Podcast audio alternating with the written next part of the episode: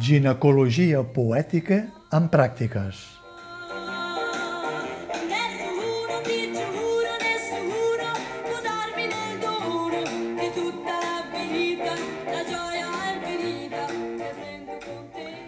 Els múltiples noms que ha rebut el personatge de la Ventafocs al llarg del temps, com l'Espirafocs, la Bufafocs, la Cendrellosa, la Pallaringa, la Cassigalla, la Fregallots, la Pedassots o la Fustots, cal afegir ara el malnom de Bona nit Ventafocs, en portuguès Boa noche Cinderella, l'argot amb què es coneix fora d'aquí una de les drogues que adormen les víctimes amb males arts, sense que ella, remarco el d'ella, en sigui conscient,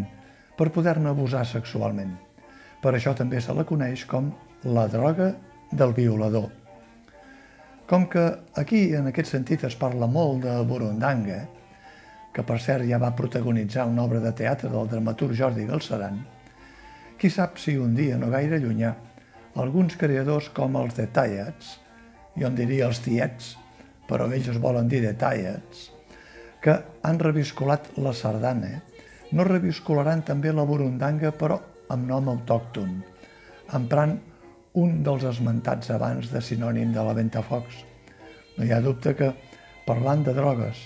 o elixirs de males arts com aquestes, dir-ne bufafocs, pallaringa, cassigalla, fregallots, pedassots o fustots, de seguida tindria la difusió i l'èxit assegurats en el ram. La dramaturga i performer brasilera, establerta actualment en residència als Països Baixos, Carolina Bianchi, debuta aquí amb la primera part d'una trilogia sobre les violacions i els abusos sexuals. Espectacle encara calent, acabat d'estrenar al Festival d'Avinyó, on ha generat una certa consternació i de pas cap a una gira europea que ha aixecat molta expectació. L'espectacle, que s'acosta a la performance, és lent i llarg, dues hores i mitja. Cal advertir-ho perquè no són 150 minuts d'un ritme trepidant. Ben al contrari, Carolina Bianchi introdueix la trama amb una conferència de gairebé tres quarts d'hora sobre el seu estudi sobre els feminicidis des dels temps més reculats. Per això, ho il·lustra, d'entrada, amb un fragment de la Divina Comèdia Dante Alighieri, extret de l'infern, el mateix infern contemporani que Bianchi vol reflectir. I després amb una mena d'anàlisi o història d'Anastasio degli Onesti, de Sandro Botticelli, basades en el de Cameró, de Boccaccio, i que reflecteixen l'aparició fantasmal d'una dona que ha estat assassinada pel seu amant, interpretat com un dels perills de l'amor i que Bianchi relaciona amb el moment contemporani. Però l'objectiu de tot gira al voltant de l'artista italiana Pipa Bacca, que va ser violada i assassinada l'any 2008 quan feia una performance en autostop vestida de núvia blanca des de la ciutat de Milà fins a Istanbul, creient en la bondat humana, oblidant el principi que assegura que tothom és bona persona fins que no demostra el contrari. Pipa Bacca va ser trobada nua i abandonada després d'haver estat recollida per un conductor,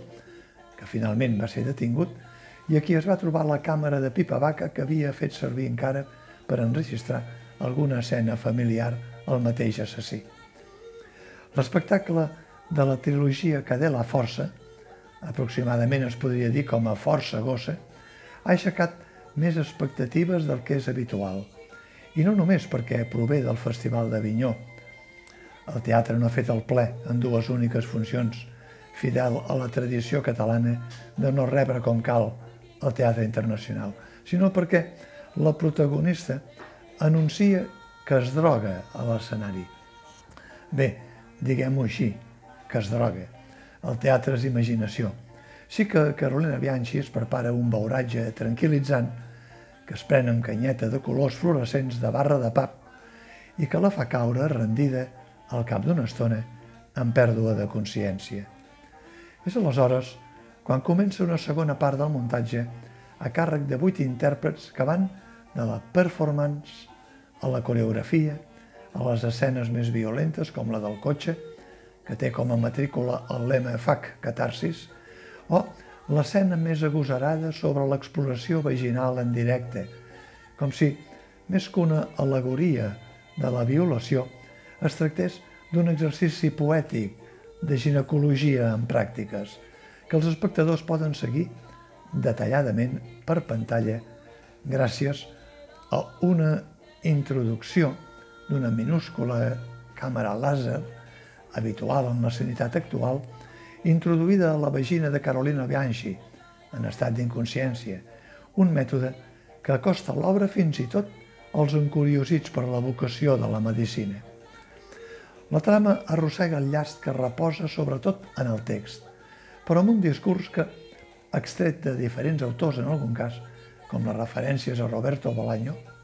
en la major part és un discurs en off, en projecció a la pantalla. Hi ha ús i abús de la pantalla en tot l'espectacle, cal dir-ho també. I només té moments d'interpretació dramàtica amb una intervenció que ja ha fet la mateixa Carolina Bianchi en solitari, entre ball i veu, i veu cantant amb una peça romàntica de la cantant italiana Mina Maccini, i algun petit monòleg d'algun o alguna dels vuit intèrprets. La resta és consum de tempo mort i una mirada pessimista sobre el teatre, que és